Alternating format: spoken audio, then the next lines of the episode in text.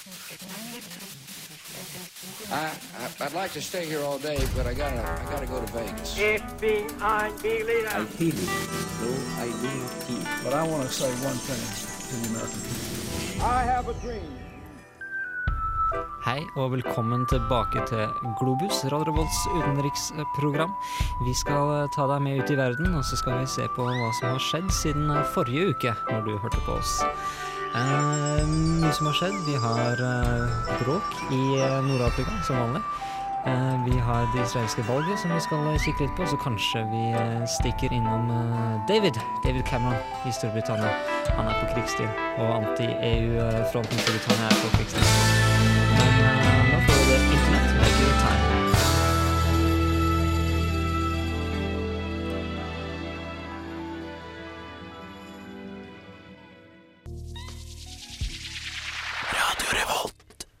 Internett med Give It Time hørte vi der. Vi tar den litt rolig fra starten av i dag. Eh, vi skal prate litt om det som har skjedd eh, siste uka. Det er jo ikke til å stikke under en stol at eh, vi har ganske heftige Får jeg lov til å si bevegelser i, i Nord-Afrika? Du har uh, franskmennenes uh, angrep inn i Mali. Snakka vi litt om uh, forrige uke også. Og så har du altså denne terroraksjonen som har skjedd i, i Algerie. Det skal vi se litt på. Så vi må følge med utover i sendinga. I studio i dag så hører du Sigmund Grønli Bolme. Jeg er deres programleder, og jeg har med Knut Åshammer. Vanja Trones. Og Oskar Kjetland Rabben. ja, tre flinke medarbeidere som skal hjelpe til med å lose dere gjennom denne sendinga her. Eh, vi kan jo begynne med situasjonen i Nord-Afrika. For det etter eh, Libyas fall, Gaddafis fall, så ser det ut til at denne regionen har eh, Jeg skal ikke si eksplodert, for det har den ikke gjort ennå, men altså begynt å gli utover litt kaos. Ja, Gaddafi spilte jo sitt geopolitiske spill. Han allierte seg med visse grupper i både sitt eget land og i naboland og i sør. Blant annet med tuaregene i, i Mali, med Mauritania, som han brukte som leiesoldater. Trente opp, utstyrte med våpen. Eh, når eh, Gaddafi da falt, så vendte de tilbake til sine, sine heimland med eh, bilene fulle av våpen og eh, ingen jobb i sikte. Og da eh, har han jo sett før hva som fort kan skje. Ja, og, I tillegg til det her så var jo situasjonen før Gaddafis fall og den turbulente tida i Libya at uh, tuaregerne var på en offensiv i nord, i Mali. Og det har de vært siden 1990-tallet. Og det ble jo da svært eh, ekspandert, kan man si, etter Libyas eh, borgerkrig. Så du, kan, du kan si at Gaddafi på en måte trakk styrker ut av Mali, som vanligvis ville, ville ført dette opprøret her, mens nå som han eh, er vekk, så har eh, de maliske opprørerne fått forsterkninger, på en måte, i, i, i form av en gjeng gærne leiesoldater. Og samtidig så har det jo òg oppstått et maktvakuum, eh, spesielt sør i Libya, der eh, sentralmakta i Tripoli nå i dag ikke har kontroll. Eh, Vi så jo nå eh, senest sist uke disse gisseltakerne i Algerie har muligens hatt eh, forbindelse til visse stammer sør i Libya som er motstandere av av de nye, eh, regjering, den nye regjeringa i Tripoli, nettopp fordi de var allierte med Gaddafi i sin tid. Og eh, det er jo det som er problemet med dette vakuumet i Sør-Libya, er at det er på en måte frie grenser da, også over til Mali. Og problemet med det er at uh, denne, dette vakuumet som har oppstått også pga. maktkuppet i Mali, er at uh, Al Qaida-ekstremistiske grupper har da lagt, lagt nye baser i dette området og har da innført sharialover i de stedene de kontrollerer i nord. Så men eh, det området i nord i Malia, på en måte, er det i ferd med å bli en fri, en, fri, et fristed for disse eh, ekstremistene, eller er det Det, det ser nesten ut som det, det kan ha blitt det, for dette her er store ørkenområder. Altså det her er Sahara-ørkenen, ikke sant. Eh, mulighet til å forflytte seg relativt fort med biler, eh, men også store områder det går an å gjemme seg i, eh, og lokalbefolkning som det går an å gjemme seg blant. Eh, jeg tror ikke det, det er en del som snakker om at det kommer til å bli en hengemyr for de vestlige soldatene å gå inn i Mali. Jeg tror ikke det vil kunne sammenlignes med f.eks. Afghanistan, som er et mye vanskeligere terreng å, å føre krig i. Eh, men det kan bli problematisk, og, og ja, det, ser ut som det er blitt altså, nesten et, et piratområde hvor folk kan operere fritt. Og det har jo vært en del snakk om uh, hvilke mål som er realistiske for Frankrike å sette seg når de rykker inn i uh, Nord-Mali. For området er helt gigantisk. Det er jo større enn Frankrike. Uh, og det bor veldig lite folk i det aller meste av området. Så det er en del som mener at Frankrike bør konsentrere seg om å få drevet, drevet de militante islamistene ut av de tre betydelige byene i området, Timbuktu blant annet. Mens uh, de enorme ørkenområdene, der uh, har de i realiteten ikke mulighet til å, til å overvåke skikkelig eller kontrollere hvem som beveger seg. De er for store til det. Mm, ja, altså, som du sier, det er litt, det er litt for stort, fordi uh, det formelle fra regjeringens side i Frankrike sier at de skal prøve å, å pushe uh, opprørerne ut av Mali, nordover. Men uh, som sagt, det er, det, er, det er lettere sagt enn gjort. Eh, og de vil nok sannsynligvis konsentrere seg om hovedstedene og, og på en måte sikre disse stedene, mens eh, som man veldig lett kan forstå, geriljakrigføring som nå har skjedd der i 20 år, vil fortsette i disse utstedene og disse forstedene. Men uh, vil dette være en mulighet for Frankrike til å begynne med dronebruk? Jeg, jo, jeg tenkte forrige saker på det samme. for dette, altså Disse vidstrakte områdene uten så altfor mye å gjemme seg bak. altså Du kan gjemme deg i sanddyner, men det er, eh, det, er ikke, det er, ikke, samme type terreng som det man har i Afghanistan, som man, man ser på som veldig vanskelig. Eh, sånt terreng kan være ganske ypperlig for dronebruk. Eh, til nå så er det kun amerikanerne som har brukt droner så utstrakt eh, i krigføring. Men, uh, men, kanskje vi kan se det franske forsvaret begynne å bruke det. Iallfall spørre amerikanerne muligens om de kan få litt hjelp når det kommer til droner. Uh, vi, skal, vi, skal, prate mer om det her etter hvert. Nå får du Mø med låta 'Glass'. Du hører på Radio Revolt, studentradioen i Trondheim. Programmet heter Globus. Og jeg heter Sigmund Bolme, og vi tar deg med ut i verden og prøver å forklare litt av verdens uh, politiske sammensurium. Noen ganger så roter vi oss fullstendig bort. Her, uh, Noen ganger så synser vi. Det er jo det er veldig politisk å sure seg bort, er det ikke? Jo, det er fryktelig, fryktelig politisk. eh, vi har altså denne militære intervensjonen i Mali som er ganske interessant. For dette, det er en, du har en intervensjon hvor hvor Frankrike stort sett alene har bestemt seg for at nå går vi inn, og så ordner vi opp. Vive la France og, og alt det, alt det der. Eh, men, men, Mali det var eh, en tidligere fransk koloni, stemmer ikke det? Knut? Ja, den var en fransk koloni siden rundt midten av 1800-tallet. Mm. Så det var jo egentlig svært på, på, på randen eller på klimakset av imperialismen. Og eh, det var en av de største kildene for Frankrikes gullkilder.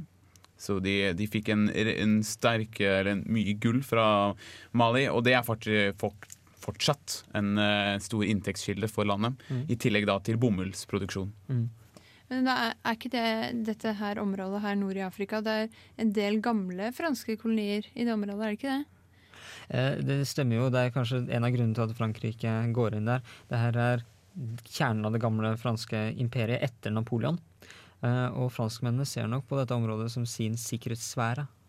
Og uh, I tillegg så er det vel ingen tvil om at Frankrike ikke alene ville begynt en sånn operasjon som dette her hvis de ikke hadde økonomisk interesse. Det bor et visst antall tusen franske statsborgere i Bamako, hovedstaden i Mali. Og Frankrike har, eh, har, er da, da landet som har størst næringsinteresse i Mali, soleklart. Mm. Så de gjør det for å drive ut eh, For å drive ut eh, Al Qaida, men eh, det er jo det er ikke tilfeldig at det er Frankrike som gjør det nå. Samtidig må man jo nevne at uh, dette forholdet med Frankrike kan man jo se litt med skepsis også. fordi uh, siden selvstendighetens tid i 1960 så har uh, landet hatt en rekke hungersnød og tørkeperioder. I tillegg til 23 år med diktatur, helt til 1992, hvor de hadde sitt første demokratiske valg. Så før denne perioden så var Mali en av, en av de mørkeste stedene i Afrika. I tillegg til selvfølgelig mange andre steder. Men, men, Frankrike så ikke ut til å bry seg så veldig mye om det da.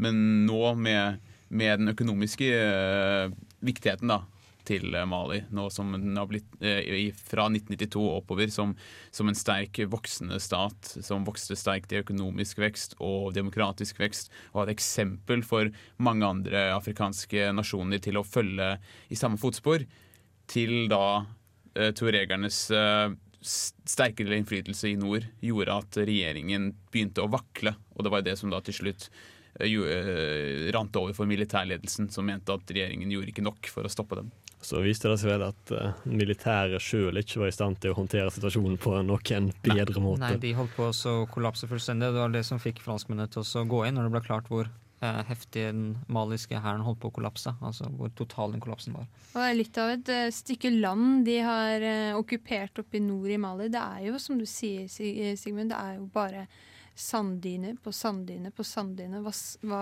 hva, så- hva skal det med det landet? Men så sies det jo noen rykter om olje og sånne ting, selvfølgelig, men allikevel. Ja, både gull og olje, Ja, og ja. som så mange andre plasser, så er likevel innbyggerne der blant de fattigste i hele verden.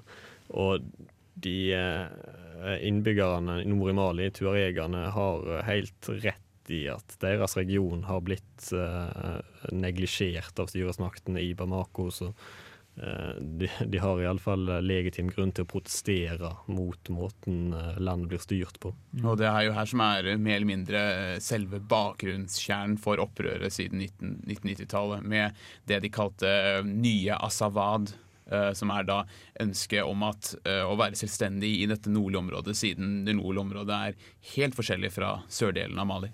Ja, Det er egentlig, egentlig nærmest to forskjellige land, eh, hvis man ser på det på den måten. Eh, når det kommer til den franske intervensjonen igjen, jeg tror jeg blir litt på sida igjen, jeg tror det har mye med å gjøre eh, det at det gikk så bra i Libya. For britene og, franskmennene. Eh, og ikke minst i Elfenbenskysten eh, Mm. for franskmennene nesten samtidig med at eh, Mohammed Gaddafi ble, ble tatt. Så eh, støtta jo, støtta jo Frankrike den ene sida i i det som må kunne sies å være en borgerkrig på Elfenbenskysten, og så fikk gjeninnført demokratiet. Da. Det er jo jeg tror ikke man skal undervurdere den viktigheten det er for stormakter å vise at de kan, og særlig i den, eh, de, de områdene av verden som de ser på som sin interessesfære. Eh, Amerikanerne har jo eh, Midtøsten og Øst-Asia. Russerne har alle land rundt seg, med unntak av Norge.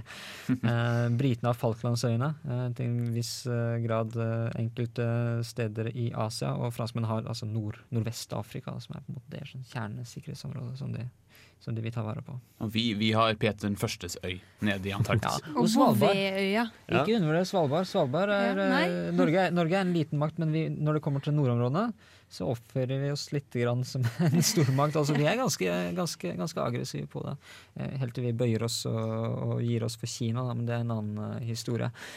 Uh, Oskar, Ja. eh, hvis vi beveger oss litt grann over på Algerie, så har du eh, tatt en prat. Du har prata med Knut Vikøy fra Universitetet i Bergen. Har du ikke? Han er, er ekspert på Algerie. Ja, han er vel eh, Nord-Afrika-ekspert, blir han ofte omtalt som. Ja. Generelt Midtøsten er vel hans fagfelt som historiker. Ja, Spennende. Eh, la oss høre hva, slags, hva Knut Vikøy har å si til, til det som har skjedd i Algerie Nord-Afrika det siste. Ja. Hvordan var samfunnsforholdene i Algerie etter den, den eh, veldig blodige selvstendigkrigen mot Frankrike på 50- og 60-tallet? Ja, det første som skjedde eh, etter to år da med, med um, begynnende fleipartistyre, så var det det militære, eh, militære som tok gjorde et kupp og innførte et militærstyre.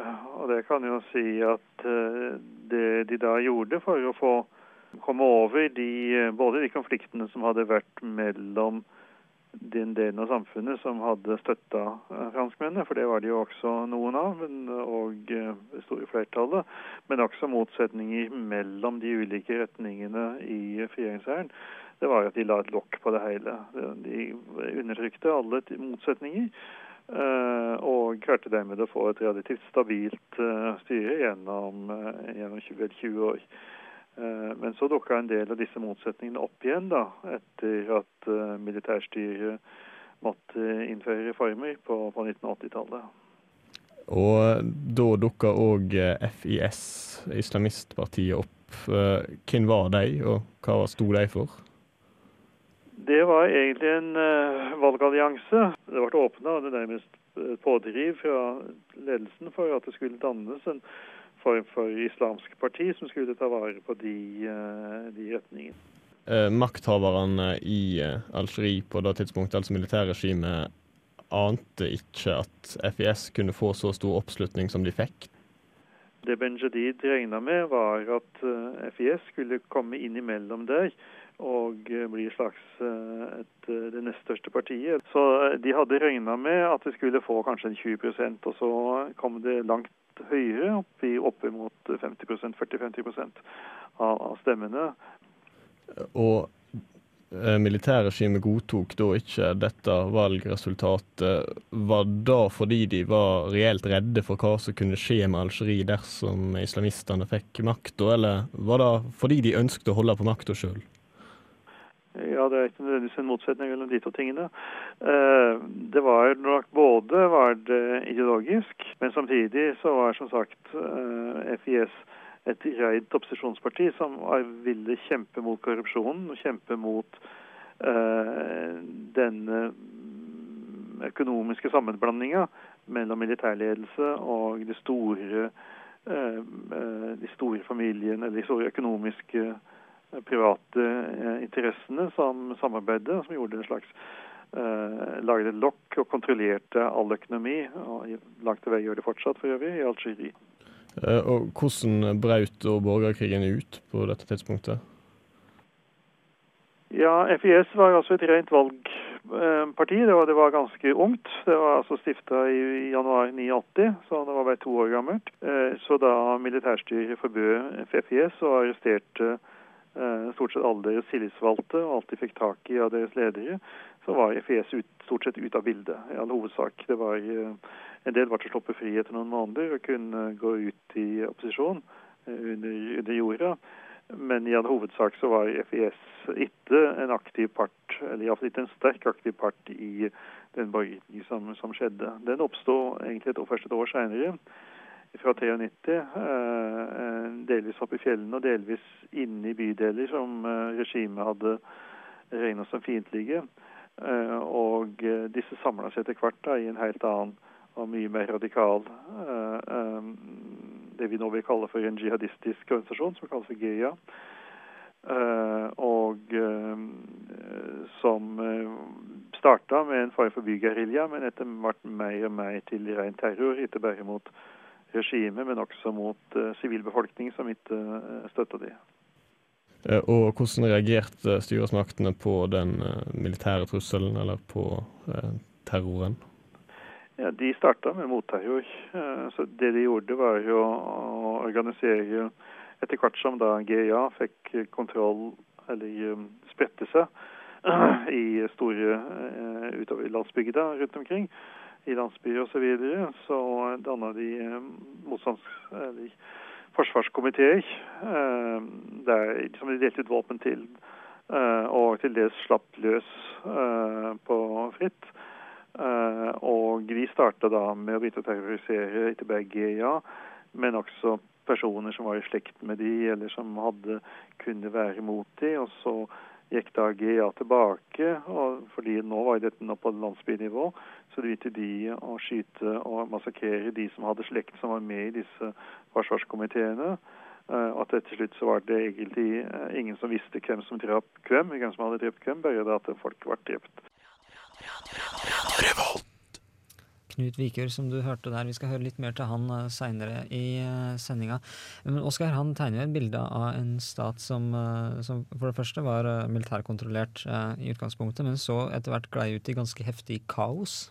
Ja, som han sier her, så utvikla borgerkrigen seg til en krig som ingen visste helt hvordan foregikk, eller hvor førte hen. med etter hvert så foregikk det ble an, landsbyer, hele landsbyer angrepne og utsletta uten at noen egentlig visste hvorfor eller hvem som hadde gjort det. Mm. Mens det var da vanligvis enten GIA, som man nevner her som islamistgeriljaen, eller styresmaktene som angrep landsbyer, drepte alle sivile som kunne være i slekt med noen som hadde deltatt i noe sjøl, eller Eh, landsbyer som kunne ha skjult enkelte geriljasoldater. Da kunne styresmaktene rykke inn og utslette hele byen, drepe alle innbyggere. Ja, fordi, eh, så, så, så har dette da Fordi den, denne frigjøringskampen som de hadde fra Frankrikes kolonitid, det, det, den, den, ble på en måte Det var på en måte forspillet, da. Og så fortsatte det da mot nye militærregjeringen, mot islamistenes opprørsgrupper.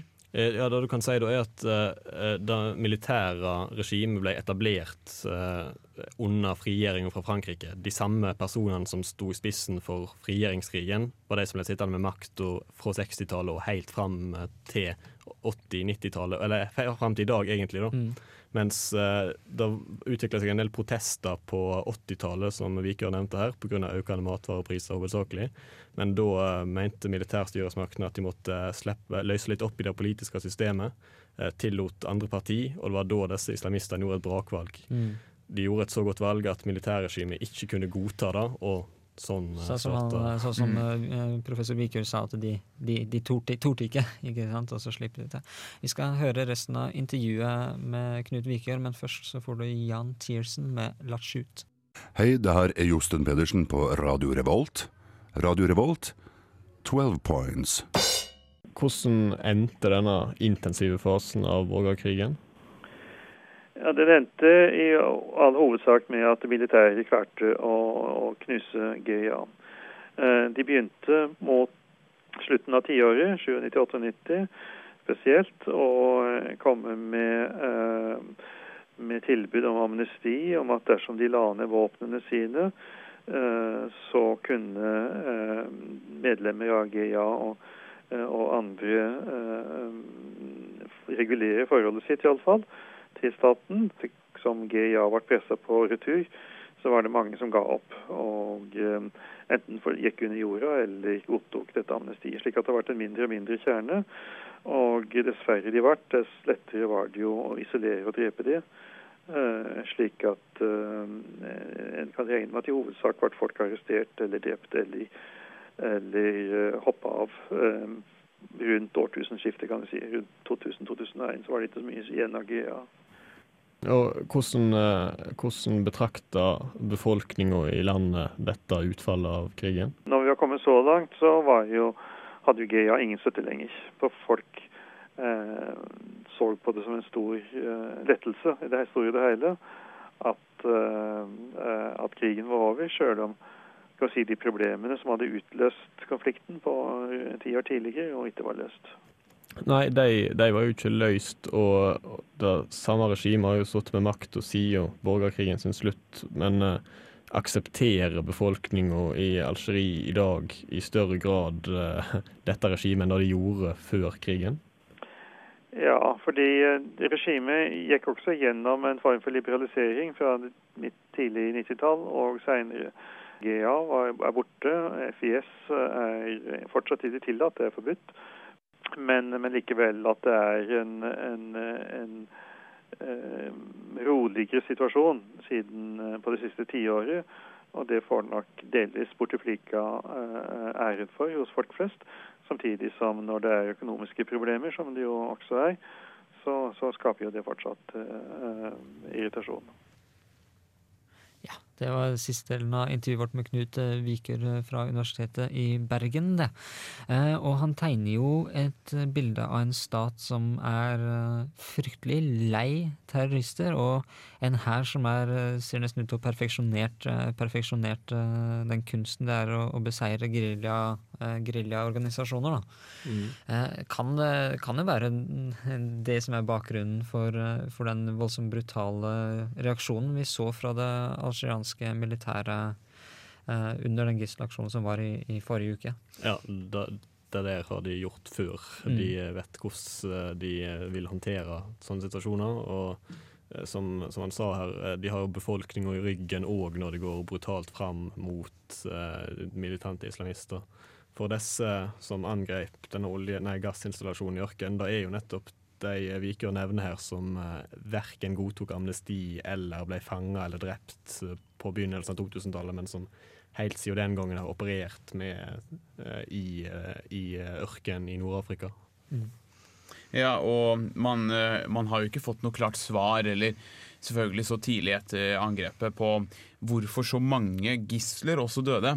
Og det her da, det er problemstillingen. da, Er det her eh, ansvaret til den al algeriske hæren? Om de hadde vært for å rett og slett bare ikke brydd seg om om man er gissel eller terrorist, og har rett og slett uh, knatta ned uh, de de har sett. Og det har jo vært dette her med denne uh, kortesjen av biler som prøvde å rømme fra, fra gassanlegget, som ble sprengt i filler av, av uh, militærstyrkene. Og myndighetene har jo, ba, har sagt at grunnen til at de angrep til slutt uh, anlegget, var fordi at uh, terroristene begynte å henrette gislene, så de måtte uh, intervere med en gang. Og det er jo ingen som finner ut av, eller som ingen vet svaret ennå, men det er både franske og alger, algeriske undersøkninger da nå for å finne ut, da. Eh, men jeg tror um, Jeg har uh, hørt en kommentar som sa at um, det var jo fryktelig, fryktelig brutal måte Altså en fryktelig brutal måte å gjøre det på. Mot terroristene, også mot, mot gislene og, og, familiene. Men for alle andre, altså alle mm. borgere i Algerie som ikke innblanda direkte i, i, situasjonen, og til en viss grad også andre eh, borgere og, og, folk rundt omkring i verden, så er denne måten å takle gisselaksjoner på kanskje den aller, aller beste. For du sender ut et klart signal om at eh, ingenting av det dere ønsker på, kommer til å bli gjennomført. Det eneste som kommer til å skje, er at dere kommer til å bli skutt. Ja, og nettopp da har jo òg den uh, algerske staten god erfaring med, for å si det sånn, fra mm. borgerkrigen. Det, det, var ikke noen forhandlinger som fikk slutt på borgerkrigen. Det var at militæret knuste opprørerne, som det ble sagt her. Mm. Eh, helt fullstendig. Og det eh, kan jo være at en sånn brutal reaksjon fører til at man, man unngår eh, altfor mange sånne situasjoner i framtida. Eh, vi har jo hørt eh, mye i nyhetene om at, eh, om at algeriske myndigheter skal være flaue over hvordan de har håndtert den situasjonen. Men så du mener egentlig at de har bare gjort De har bare fulgt alle prosedyrer? Rutine. Altså, altså uh, jeg, jeg, jeg, har ikke så veldig lyst til å sitte her og mene For det er mennesker som har dødd. Ikke? Ja, ja, mennesker klart. som har dødd, så jeg har ikke lyst til å sitte her og mene at dette er den eneste måten det kunne vært gjort på. Men, men, men sånn, det, det, lille jeg vet om om terrorbekjempelse, og det som er prosedyrene når man bekjemper terrorister. og Det, det sa man jo også eh, Amerikanerne sa jo også det, og britene sa jo det mens denne uh, aksjonen pågikk, at man forhandler ikke med terrorister. Eh, og det ser ut som militæret i Algerie har bare vært vært litt ekstra brutale. Kanskje vært, vært veldig, veldig at man ikke forhandler med terrorister. Uh, det er trist, og det, det, er, det, er, en veldig stygg sak og en veldig, veldig tragedisk sak. Altså uh, fæl sak for de som er uh, innblanda i det. Men det, ved, ved, å ta ting så, uh, så, hardt, så tror jeg kanskje man kan unngå sånne situasjoner i framtida. Ja, og, og, så må vi òg forstå, som på bakgrunn av det Viker sier her, erfaring og algererne har med islamistiske opprørere. Det er ingen i Algerie som vil at militæret skal ta i denne type folk med silkehansker. Eh, så eh, forhandlinger som hadde trukket ut i tid, hadde òg ført til at militæret hadde blitt upopulære i egne borgere sine øyne, og da har de ikke råd til. Mm. Siste argumentet jeg har hørt, er at disse folka som tok de gislene, var ikke interessert i annet enn å faktisk drepe dem. Til syvende og sist. Det er et, det er et uh, siste argument som jeg har hørt. Det er kanskje algeriansk militære som har kommet med det argumentet, men at de egentlig ikke hadde noe annet ønske enn at Frankrike skulle ut i Mali. Det kom åpenbart ikke til å skje, så de hadde drept gislene uansett. Um, vi skal videre til noe som kanskje er litt, uh, litt koseligere. fordi at uh, Vanja, du har ordna en kunnskapsquiz i dag igjen, som forrige gang. Ja, for jeg tenker å løse opp stemninga litt sånn på slutten av sendinga. Ja. Uh, gå ut med et smell. Mm -hmm. Knut, du har mye å revansjere fra forrige gang. Da fikk du null poeng. Så håper det går litt bedre denne gang. Jeg har noen spørsmål, så får vi se hvor mange vi rekker gjennom. Eh, vi kan egentlig bare kjøre i gang konkurransen. God kveld. Det er en glede å kunne ønske velkommen hit til det nye kulturhuset på Finnsnes til Kvitt eller dobbelt.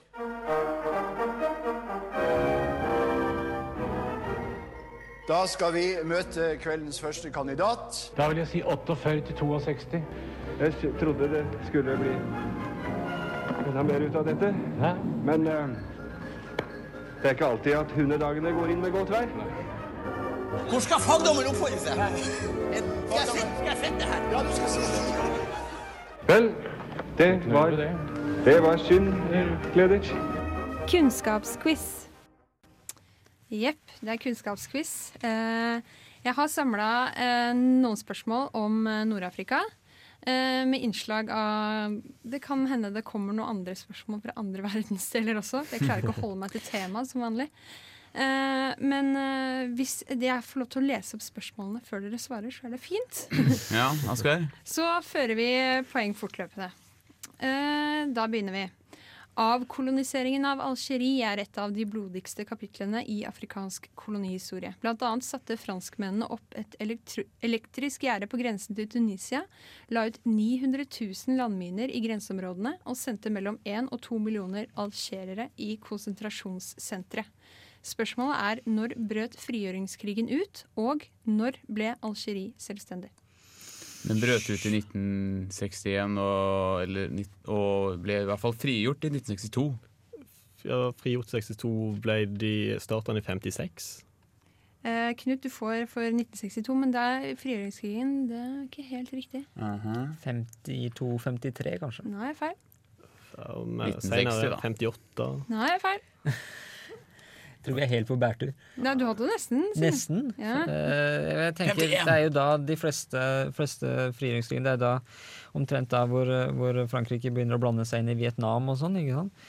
Uh, bakgrunnen med at Frankrike dro tilbake til koloniene sine etter andre verdenskrig. Men, uh, men nei, jeg, ja, Knut sa 51, jeg vet ikke. 53? Nei. Svaret er 1954. 54. Ja, alle unntatt fire. Ok, ja. Eh, hva heter folkeslaget som opprinnelig befolket store deler av Nord-Afrika? Berberne. Knut, du er i siget. Du er raskt ute. Det er kjempe... Jeg vil ikke ha null poeng. det er bra. En stor andel av befolkningen i Algerie er av berbisk opphav. Men det finnes ingen nøyaktige tall, da denne typen statistikkføring faktisk er forbudt. Hva er forventet levealder i Algerie? 71 år. Åh, nesten. 70. 71, nå er det 73. Nei, det er nesten. 72, da. 69. Nei, eh, jeg gir et eh, halvt poeng hver til eh, Sigmund Oskar. Det er 70,5. 70,5? Oi, oi, oi. Ja. Så, Det var jo veldig presist. ikke sant? Men uh, den statistikkføringen som er bra, det er uh, ulovlig på bakgrunn av at det ikke er lov å telle etnisk uh, og sånne ting. Ah. Ja. Ja, det er jo betente tema. Så de har, Ja. så de har streng etnisi- etnisitetspolitikk. Etnisitet. Ja. Etnisitet. Hva heter fjellkjeden som strekker seg over store deler av Marokko, Algerie og Tunisia? Atlasfjellene. OK, poeng til alle. Et poeng til alle. Må ha litt sånn easy. Mm. Når ble det historie? Når ble det første forente kongedømmet i Egypt grunnlagt? Eh, Du tenker farao? Det første forente Ah, kongedømmet i ah, Egypt. ah, Er ikke det oi, oi, um, oi. ø, ø, 4000 år før Kristus? Nei, det er, det er Tidligere. tidligere. Ja. Tidligere. For det er de Altså kong Øvre Egypt og Nedre Egypt slo seg sammen, og det er noe som førte til at eh, Å, jeg burde kunne det her. Faraoen uh, fikk en ørn i, uh, i den der krona si sam, sammen med en kobra. Fordi dette kobraen var tegnet på Nedre Egypt. Og, for, men jeg husker pokker ikke når de Men, slo sammen. men si et tall, eh, årsak, alle sammen, se hvem som er nærmest. 5000 før Kristus. Uh, 7500 før Kristus. Nei, det er altfor tidlig. Uh, jeg vil tro, tro kanskje fire og et halvt. Fire og et halvt før Ja. Kristus. Eh, Sigmund, du er nærmest. 3200 før Kristus Å ja. Ja. er svaret. Mhm. Så eh, hva, ja, hva heter eh, halvøya øst i Egypt? Sinai. Ja, ett poeng. Det var altså Sigmund som svarte, og Oskar som svarte i kor. Um, under andre verdenskrig ble Tunisia brukt som langgangspunkt for hvilke lands militære styrker? Italia Italia Tyskland. Italia, Tyskland. Det er feil. Nei, det er, ikke, det er Storbritannia. Og Amerika, da. Nei, fordi at eh, Knut. amerikanerne gikk i land eh, Operation Torch Mm. eh, i Marokko, Algerie. Ja, I 1942. Og eh, Nei, jo, er jo jo. det er 1942. To. Og britene var, var fra de, Egypt. de, de ble landsatt i Egypt i 1941. Jeg har kilder som sier, Knut, britiske og amerikanske styrker. Gikk i land i Tunisia. Hvilke land brukte Tunisia som langgangspunkt under andre verdenskrig. Oh, ja, ok, som, som sted, sted å sende soldater fra? Ja. Å ok, ja, som forsyning, ja. Det er jo Storbritannia amerikanerne. Storbritannia Ja, men- og britene, ja. Misforståelse. til, mo, til for å invadere Sicilia i 1943. Ja, eh, blant Mm. annet. Ja. Får jeg ekstra poeng? Ja, for at Ja, eh, tyskerne har, hadde jo, Nei, ok. tyskerne hadde jo Tunisia under 1942 og 1943, så det, derfor kom de gjennom Algerie og Marokko. mer historie. Hva var Kartago? Det var en stormakt under uh, antikken. Men det var også det er hovedstaden, store hovedstaden til motstander. by. ja, ja, det er hovedstaden til de gamle ja, karta kartagerne. Den, Kartago ble grunnlagt av fønikiske handelsmenn eh, og den mytiske dronningen Dido, som også var, eh, var elskerinna til Hva han het hun? Akian, tror jeg. Eh, det, som er skrevet om som grunnla Roma. Eh, Kartago var også den største handels- og militærpolitiske motstanderen til Roma på 300- og 200-tallet. Eh, kanskje litt 400-tallet også, før Kristus. Og eh, romernes Den eneste fiendtlige generalen som romerne eh, anerkjente som en god general, er Hannibal Barca. Eh, som var en kartagisk general som leda sine soldater fra Spania gjennom Gallia, altså Frankrike, og inn i Italia gjennom Alpene. Man kan jo si at eh, romerne prøvde jo å invadere eh, da, den nordafrikanske eh, tuppen, da, altså ved Tunisia. Men, men uh, Hannibal Barcas marineflåte, kan man si, da, uh, knuste den romerske. Og eh, det ødela da alle deres invasjonsplaner. Og det gjorde jo at, at det var i den første puniske krigen, og det utsatte hele krigen til en ny punisk krig som da skjedde Da, da, Senere. I den andre puniske krigen at Hanbal Barca var, eh, var eh, kartagisk general. Mm. Eh, Kartago ble ødelagt i 164. 146. Er det 46? Ah, jeg snakka om! 46-64, ja, ja, ja. Samtidig med Korint i Hellas. Og det tallet eh, blir brukt som en eh, eh, Hva skal jeg si en, Et symbol på at Roma var eh, suveren i den antikke verden. Og de har jo funnet en hel haug med uh, arkeologiske uh, nyfunninger på kysten. da Som er De brente jo ned i grunnen, men uh, sand har jo bevart mye av uh, grunnmurene. Altså Romerne brant ned Kartago, ja. Ja. Ja, men uh, altså kort eh, eh, Kartago da var en bystat grunnlagt, som du sier, eh, Sigmund, av fønikerne nord i Tunisia i det åttende århundre før Kristus. Det var en betydelig sjømakt fram til romerne ødela byen i 146 før Kristus. Mm. Veit dere hvilke keisere som var med på å bygge opp Som byen? by- bygde opp igjen eh, Kartago. Blant annet. Eh, veldig kjent. jeg, jeg vil tro at Augustus starta oppbyggingen, eller stemmer det? Ja, har eh, Cæsar Julius Cæsar. Aha. Men han var aldri keiser. Nei, han var ikke det. Nei, nei. nei. Da var det Han ble, han ble keiser post mortem. Kjendis. Ja. Ja. Em, det var historisk. Eh, litt fram til nyere tid. Konflikten i Vest-Sahara eh, blir ofte sammenlignet med en annen konflikt i en annen del av verden. Hvilken? Kan dere tenke dere hvilken det er? Det er da Palestina-Israel. Kast- Kaller det for en søsterkonflikt? Nei, vi skal lenger øst. Skjønner du. Jeg kan tenke meg at det er i Tyrkia uh. Kanskje det kan være med PPK? Tyrkia? Nei, lenger Nei. øst. Eh, Tibet? Eh, Mm. Hva Hvis hvis jeg får lov til å gjette eh, Tamil-konflikten på Sri Lanka? nei, det er Mhm. feil. Hva, er, hva legger du i Hva er det- søsterkonflikt her, da? Eh, altså, det, eh, konfl eh, det er konflikter som har pågått samtidig. Og, s- Og du mener i Ja. selve området Vest-Sahara? eller- nei, nei, nei. Øst. øst Nei, ja, men, uh, men søsterkonflikt til Vest-Sahara? ja. Ja. Dere har ikke en ringeste Nei. Nei. Vi har ikke lyst til å Eh, spekulere for mye. Vest-Sahara og Øst-Timor blir ofte kalt for, eh, for oh, ja. eh, søsterkonflikter, for de er svært like og ganske unike. Mm. Spanske og portugisiske kolonier. Eh, når, eh, når Øst-Timor ble selvstendig, så var det det første de gjorde, var å anerkjenne Vest-Sahara. Mm. Som eh, Men at Vest-Sahara skal bli selvstendig, er det vel ingenting som tyder på nå? Ikke ennå, nei. Det er ganske tøft for vest-saharere. å og i, faktisk også i det hele tatt få sin sak ut. Den blir kanskje nedprioritert av veldig mange vestlige medier, og marokkanerne holder lokk på det. Mm. Stillingen er nå foreløpig. Eh, Fire og et halvt poeng, Sigmund. Knut fem. To og et halvt, eh, Oskar. Eh, Jeg leder! Den opprinnelige befolkningen i Vest-Sahara eh, kalles saharaviene. Det er et nomadefolk som er å finne i Vest-Sahara. Eh, kulturen deres er preget av relativt egalitære styreformer. De har lang tradisjon for å ta avgjørelser gjennom representative råd. De har derfor aldri anerkjent en overmakt eller konge av noe slag, og aktivt kjempet mot eh, koloniherrer. Eh, spørsmålet mitt er eh, hva, hva heter Sahar, Saharavienes frigjøringsorganisasjon? Polisario. Wow, det går Wow. fort. Polisario. Oskar, vet du når den ble stifta? Jeg kan tenke meg at det var eh, da Spania trekte seg ut av Vest-Sahara i 75. Nei, 73. 73. det var siden. Jeg forsvant den Eh, poenget. Yeah. jeg har eh, flere spørsmål. Vi skal, vi skal fram til vår tid.